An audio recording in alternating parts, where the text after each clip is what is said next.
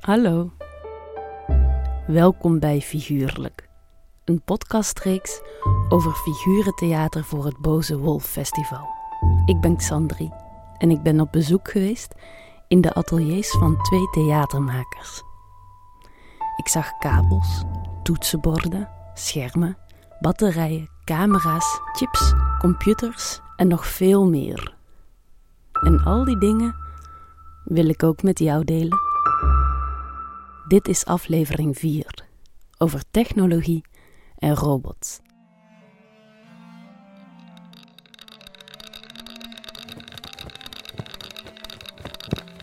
In het oude Griekenland waren er al houten duiven die konden bewegen door de aandrijving van water en radertjes.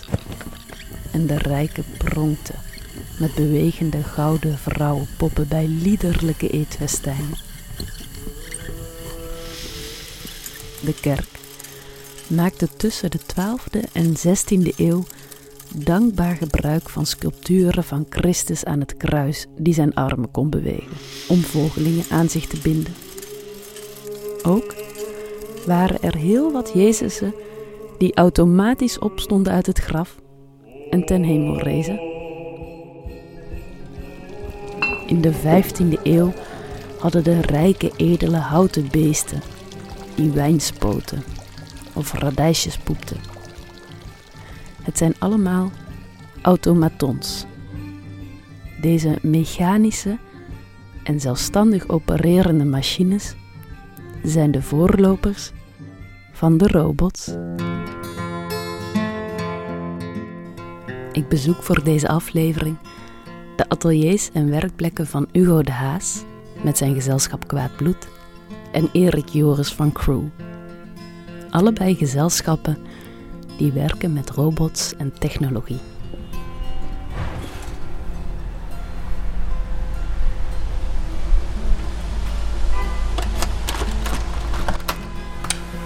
Hallo, kom binnen. Dank u.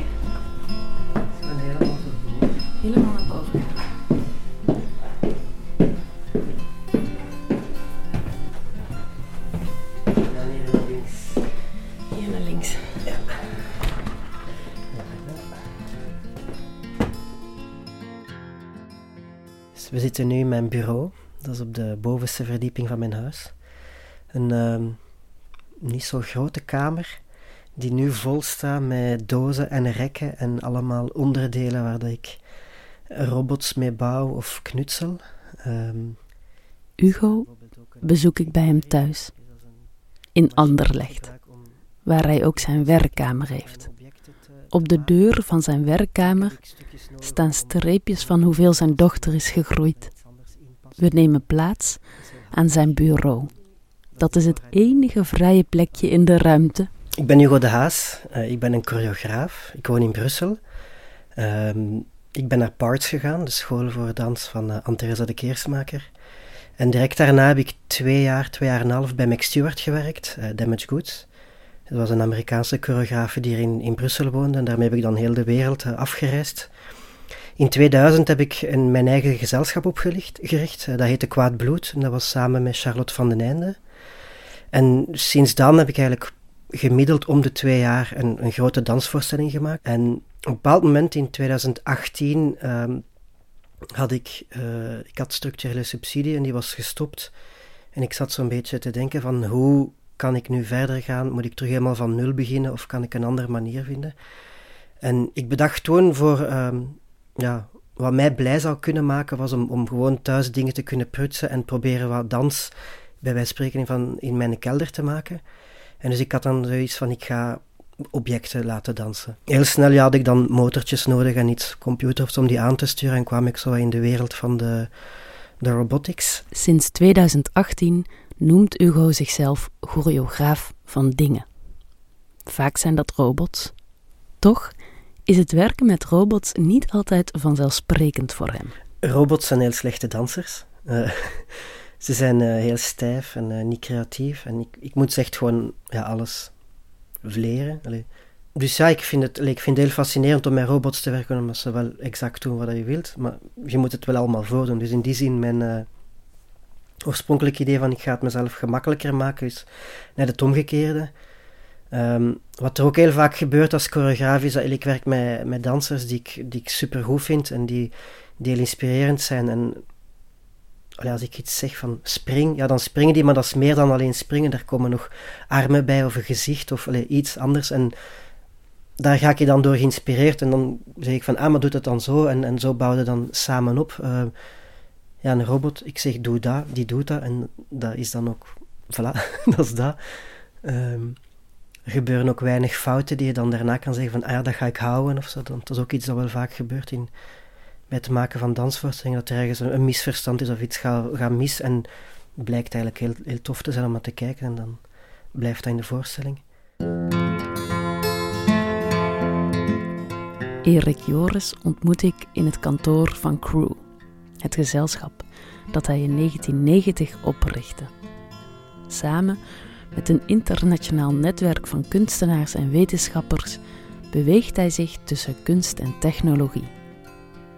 Tegenwoordig wordt Crew aangestuurd door Erik Joris en Ishtar, die net op vakantie is als ik Crew bezoek.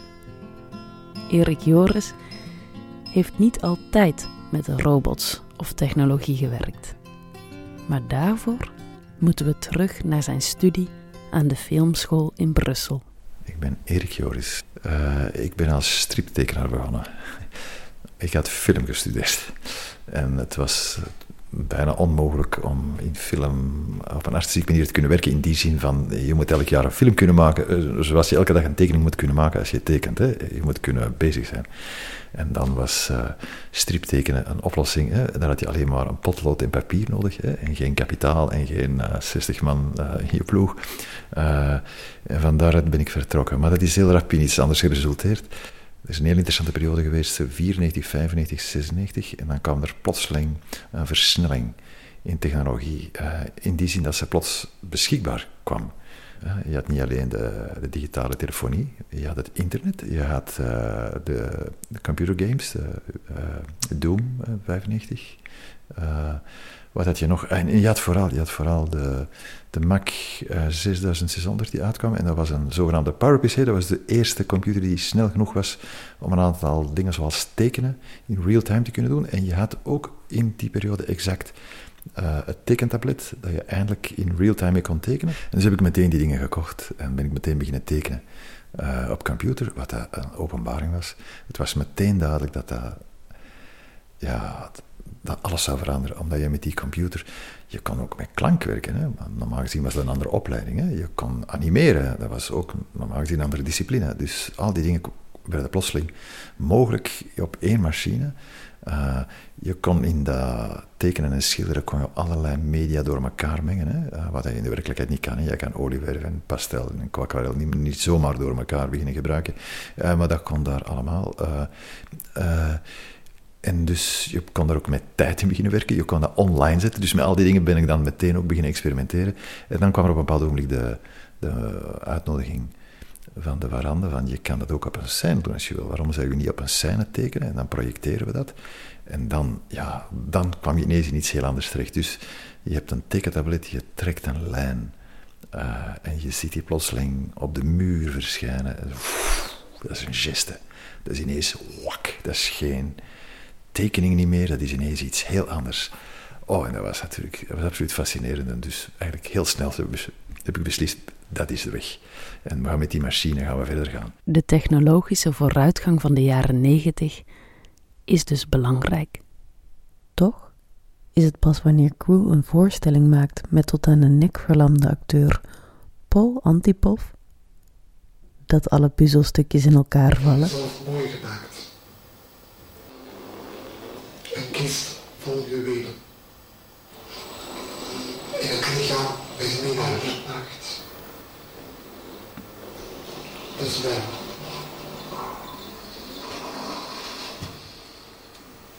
Wat was het, het, het, probleem in de dingen die we uitgeprobeerd hadden? Daar was, wat men in theater dan zegt, er was geen noodzaak toe op de scène. Waarom doe je altijd? Hè? Is dat om nieuwe dingen binnen te brengen, om veel vorm binnen te brengen, veel nieuwe ideeën. Ja, dat was het wel een beetje. Uh, dus hoe kan je dat noodzakelijker maken? Dus kun je die technologie, waar veel kritiek op was hè, op de scène, hè, dat was toen toch nog relatief ongewoon, zeker als het met computers bij was, uh, er was ook kritiek op. Van hoe kan je dat nodiger maken? en dan kwamen we snel bij de idee van, we moeten bij mensen werken die dat nodig hebben. Dus ik denk aan mensen. We hebben, we hebben toen iemand leren kennen, uh, Paul Antipov, iemand die volkomen verlamd was en die alleen door middel van technologie kon verder leven. Dus die werd beademd, die uh, was tot aan zijn nek verlamd, dus hij kon wel spreken. maar was aangewezen op allerlei hulpmiddelen. Maar deed daar ook ontzettend veel mee. Was een heel productief iemand. Hij schreef boeken, van alles. En dan zijn we daar rond een heel instrumentarium beginnen bouwen. En dat is in verschillende stappen gegaan, maar de laatste stap was de, mooiste. Dat was, dan een robot gebouwd. En uit die, het werken met die robot hebben we ineens iets begrepen dat, dat we als slogan op voorhand hadden gesteld. Dat was dat we de multimedia als een prothese wilden zien. Dus in plaats van die technologie te gebruiken om allerlei dingen te doen uh, willekeurig bijna om die te zien als dit wordt een prothese, dit wordt een verlengstuk hè, in de, de zin van McLuhan. Het wordt een extensie van het lichaam.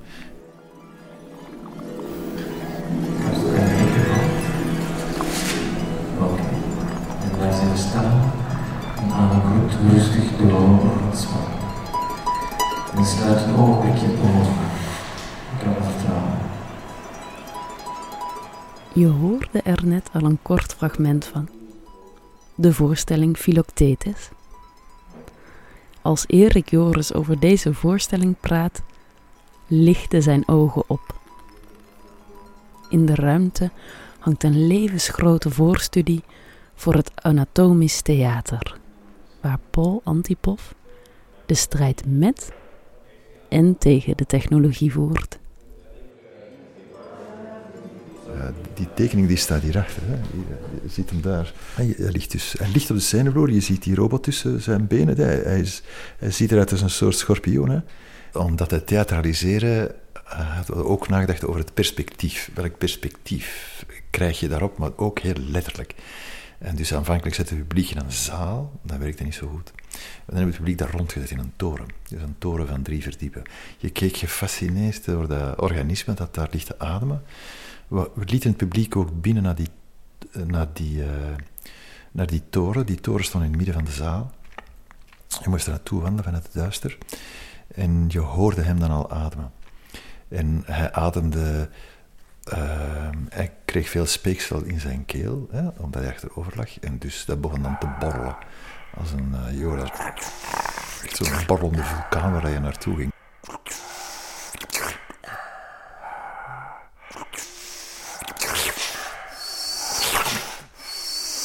Werken met die robotarm, uh, dat was, die ook faalde. Hè? Dus je zag hem ook de moeite doen om dat ding te krijgen waar hij het wilde hebben. Maar project, uh, hij maakte ook zelf projecties. Hij tekende ook in de ruimte. met geen laser, maar iets dat er een beetje als dergelijk uitzag.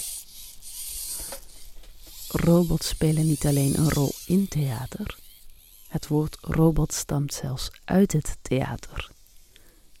Het werd voor het eerst gebruikt in de voorstelling Rossens Universele Robots uit 1920 van de Tsjechische schrijver Karel Čapek. Het is dus een Tsjechisch woord dat zoiets betekent als saai werk of zwoegen. Een robotnik is een boer of een lijfeigene. In het stuk uit 1920 roeien door de mensgemaakte robots uit onvrede voor de slavernij die ze voor hen moeten doen, de totale mensheid uit. Tegenwoordig zijn er veel beroepen waarbij de mens is vervangen door een robot. Je betaalt je boodschappen aan de zelfscankassa. Of door de opkomst van e-books zitten drukkers zonder werk. En ook op het vliegveld werken door de komst van elektronische incheckbalies of slimme bagageafhandelingssystemen steeds minder mensen. Er bestaan zelfs wetenschappelijke studies en methodes die een inschatting maken hoe vatbaar verschillende banen voor automatisering zijn. Hugo stuitte er al eens op. Deze website heet uh, willrobotstakemyjob.com en dan kan je eender welke job intikken. Dus als je dan vrachtwagenchauffeur of, accountant, dan is dat 99% kans dat binnen die 10 jaar dat die jobs eigenlijk volledig geautomatiseerd zijn. Um, voor danser was dat 1,4 denk ik, voor choreograaf 0,4. Dus dat is echt heel, heel weinig. Dus ik vond het dan ook wel grappig om daarmee te spelen en te kijken van hoe krijg je dat, dat getal omhoog. Um, toen ik de voorstelling wou maken, ik was er al wat aan begonnen, maar ik had steun nodig voor dossier en voor plekken om te kunnen gaan spelen, heb ik met heel veel programmatoren afgesproken. En heel vaak was dat dan in het café van hun theater of, of ergens hier in Brussel. En ik had al mijn, allez, ik had een deel van mijn robots bij, dus ik zo van, zo is het bijvoorbeeld. En ik liet die dan ook echt op de tafel rondlopen en, en dingen doen. Uh, wat is dit? Kun je het eens uitleggen? Uh, dit is een soort van spin uh, die. Uh, hij doet het niet echt, maar ik zeg tegen de mensen dat hij zelf leert stappen. Dus in het begin smijt hij zijn pootjes in alle richtingen, ziet hij er heel onhandig uit. En stilletjes aan wordt dat beter en beter. En op een bepaald moment kan hij echt beginnen rondlopen. normaal heeft hij ook haar, dus dat is gewoon een, een nieuwe die nog moet haar krijgen. Um, maar dus als hij dan zo zielig zit te, te proberen, dan wordt mensen die daar naar kijken zeggen dat ook van, oh, die is kei zielig. Of als hij dan van tafel valt, is van, oh, Garme, die is gevallen. En dus ik zei de hele tijd, maar dat, dat is niet erg, het is maar een machine. Als het kapot is, maak ik, uh, maak ik wel een nieuwe. Um, en dus uiteindelijk heb ik dan gezegd van, ik noem mijn voorstelling Simple Machines, want het is, maar dat. En iedereen die daar naar kijkt, projecteert er emoties op, maar ja, het is maar gewoon plastiek en metaal en uh, een beetje elektriciteit. We hebben dus de neiging om menselijke eigenschappen toe te kennen aan niet-menselijke wezens. Het heeft zelfs een naam: antropomorfisme. We behandelen robots dus alsof ze mensen zijn. Ook in het theater. Ik denk dat er heel veel op wordt geprojecteerd. Um, ja, ik heb een andere robot, dat zijn ook zo, is ook zo'n soort van hangende arm, laten we zeggen. Maar ik heb die vol uh, wol ge geplakt, allemaal draadjes wol. En dan, ja, mensen zien daar direct zo'n soort van hond in of zo en beginnen dan te strelen. En, uh, dus ja, ik denk dat er iets heel eigen is aan, aan de mens om, om, zeker als ze bewegen objecten, om, om ze te vermenselijken of verdierlijken. Um, sommige mensen zijn er een beetje door gedegoteerd ook, om zien er dan een soort van half dood beest in. Of, uh, niet altijd schattig ook niet, maar gewoon wel iets dat leeft of dat, ja, dat er zielig uitziet of dat er uh, goed uitziet. Of dat, uh... Ik heb die, deze spinnen, ik heb er zo drie in de voorstelling, dus als die uiteindelijk beginnen stappen, er zijn momenten, allee, vooral bij schoolvoorstellingen, dat dan die kinderen spontaan beginnen te klappen en zo van wauw, ze hebben het echt geleerd en het is gelukt. En, en, dus ja, je, je gaat er echt in mee, denk ik. Eh.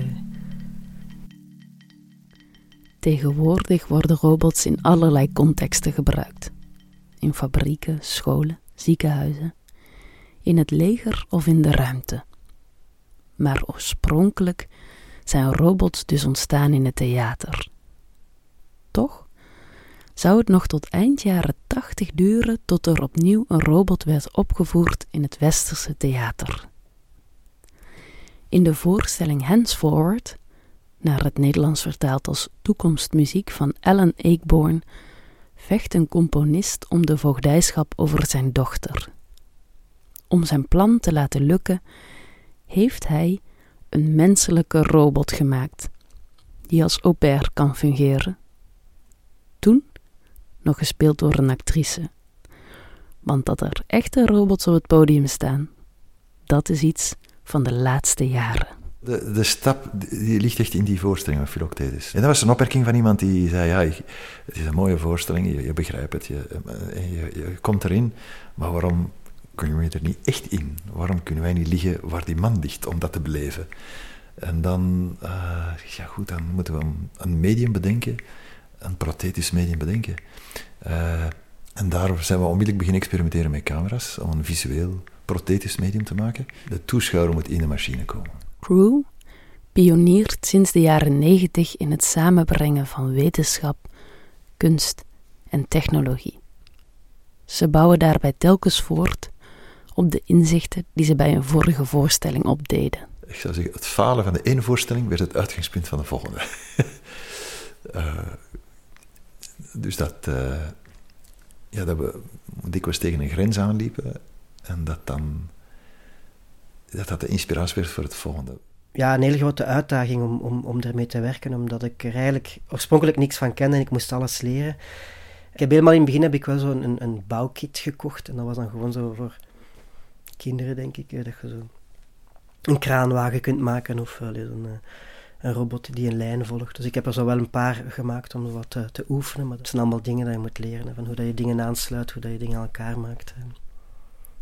Ja, er zijn dingen dat ik denk van, oké, dit moet echt mogelijk zijn, maar ik weet niet hoe. En dan door het op te zoeken en dingen te proberen en, en motors te laten verbranden. En uiteindelijk uh, lukt het dan wel. En dan ben ik heel blij dat ik da, daar die doorzetting in had. Ja. Uh, dat is de studio. Uh, wacht, we gaan in het midden staan. Als we ons gesprek afronden, leidt Erik Joris me rond in het atelier van Crew. Ik kijk mijn ogen uit. Dit is de plek waar we de producties maken in, uh, op een kleinere schaal. Je ziet aan het uh, plafond zie je een hele installatie van een dertigtal camera's hangen. Dat is uh, de installatie die we tot nu toe gebruikt hebben voor motion capture, dus het registreren van bewegingen. Kan je verschillende mensen tegelijkertijd registreren op hun bewegingen. Dat is met die, pak je met die bolletjes. En dan, je, je ziet de ruimte kan helemaal worden afgedekt uh, ja, als, we, als we performen. Uh, met zwarte doeken? Met de zwarte doeken, ja, exact. Ja. En dan heb je overal de tafels rondomheen, de werktafels, waar dat we de dingen maken. Dat is voor het aansturen van de motion capture daar. Hier worden allerlei dingen in, uh, de, voor de modeling in het dagelijkse werken. Uh, ook, dus er zijn allemaal heel veel computerschermen? Heel veel computerschermen en pakken en die ook draaien en die misschien op dit ogenblik gebruikt worden van op afstand. En veel bakken met allemaal. Ja, dat is een beetje het vorige tijdperk. Uh, ja, omdat we veel hardware destijds in elkaar uh, bricoleerden. Hè. Uh, en ja, dat is de werkhoek hè, waar dat we al die dingen maken. Echt een werktafel? Ja, ja, ja, ja, ja, ja. werkbank met alles erop en eraan. en dat zijn allemaal op die rekken staan delen uit voorstellingen die ofwel lopen of liepen. Uh, dit is. Uh, ja, zijn allemaal uh, batterijen van vrachtwagens die we nodig hebben om. Wat? Batterijen van vrachtwagens, ja, dus een bepaald type, die grote batterijen. Dat zijn grote batterijen. Je wil in ieder geval dat het intens is, hè? Dat, je wil in ieder geval dat, dat het iets gedaan heeft. Het mooiste compliment dat we ooit gekregen hebben, dat was een choreograaf die zei: Het heeft mij veranderd. Ik dacht, wauw, dat is... Uh, dankjewel. Ik hoop altijd dat mensen iets hebben meegemaakt als ze naar mijn voorstelling komen. Dat ze een soort van uh, gevoel hebben gehad of, of, aan iets hebben gedacht. Uh, maar ik denk wel dat mensen doen do nadenken. Dus dat hoop ik altijd. En dat, ja, dat ze ergens met een, een goed gevoel naar buiten gaan. Of zoiets van, ik heb iets interessants gezien of het heeft mij geraakt. Hugo laat een aantal robots bewegen. De poten van iets wat op een grote spin lijkt, bewegen in het rond. Het is vreemd. Het zijn maar een aantal servomotoren. Maar ik heb het gevoel dat ik naar een diertje kijk, waar ik van alles bij kan bedenken. Dat het op zoek is naar zijn mama. Dat het honger heeft. Of boos is op de wereld om hem heen. Robots ontstonden ooit in het theater. En in het werk van Erik Joris en Hugo de Haas komen ze terug thuis.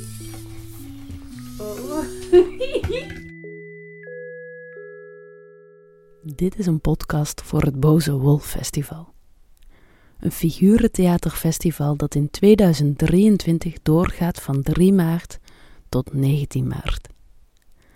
Maaike van der Hagen, artistiek leider van CC Het Gasthuis, en Bart Ax, programmator van het Boze Wolf Festival, hebben nog een paar suggesties van theatervoorstellingen die je dit jaar zeker moet gaan bekijken. Luister maar. Mijn lievelingsvoorstelling is Man Strikes Back van Post uit Hesdalen, een Belgisch gezelschap. En op het podium zie je één jongleur staan, een heleboel jongleerballen, een drummer en dan vijf houten objecten. En uh, hij doet dus eigenlijk een performance met die jongleerballen tot ineens die vijf houten blokken beginnen te bewegen en robots blijken te zijn. En dat is echt een fenomenaal spel en je gaat zo op in dat ritme en dan die drummer die dat ondersteunt, zeker komen kijken. Met stip op één, Vrouw of Vos van Ulrike Kwade. De top van het Nederlandse figurentheater, maar ook het gezelschap dat het ver staat met nieuwe technologie in het theater te brengen. Het Boze Wolf Festival vindt dit jaar dus plaats van 3 maart tot 19 maart. Op de website bozewolffestival.be kan je zien welke voorstellingen er spelen. Deze podcast werd mede mogelijk gemaakt door CC Het Gasthuis en de Zendelingen. De montage van deze aflevering gebeurde door mezelf. Ik ben Xandri van den Besselaar en ik bezocht ook de ateliers van de gezelschappen die werken met robots en technologie. Tot de volgende.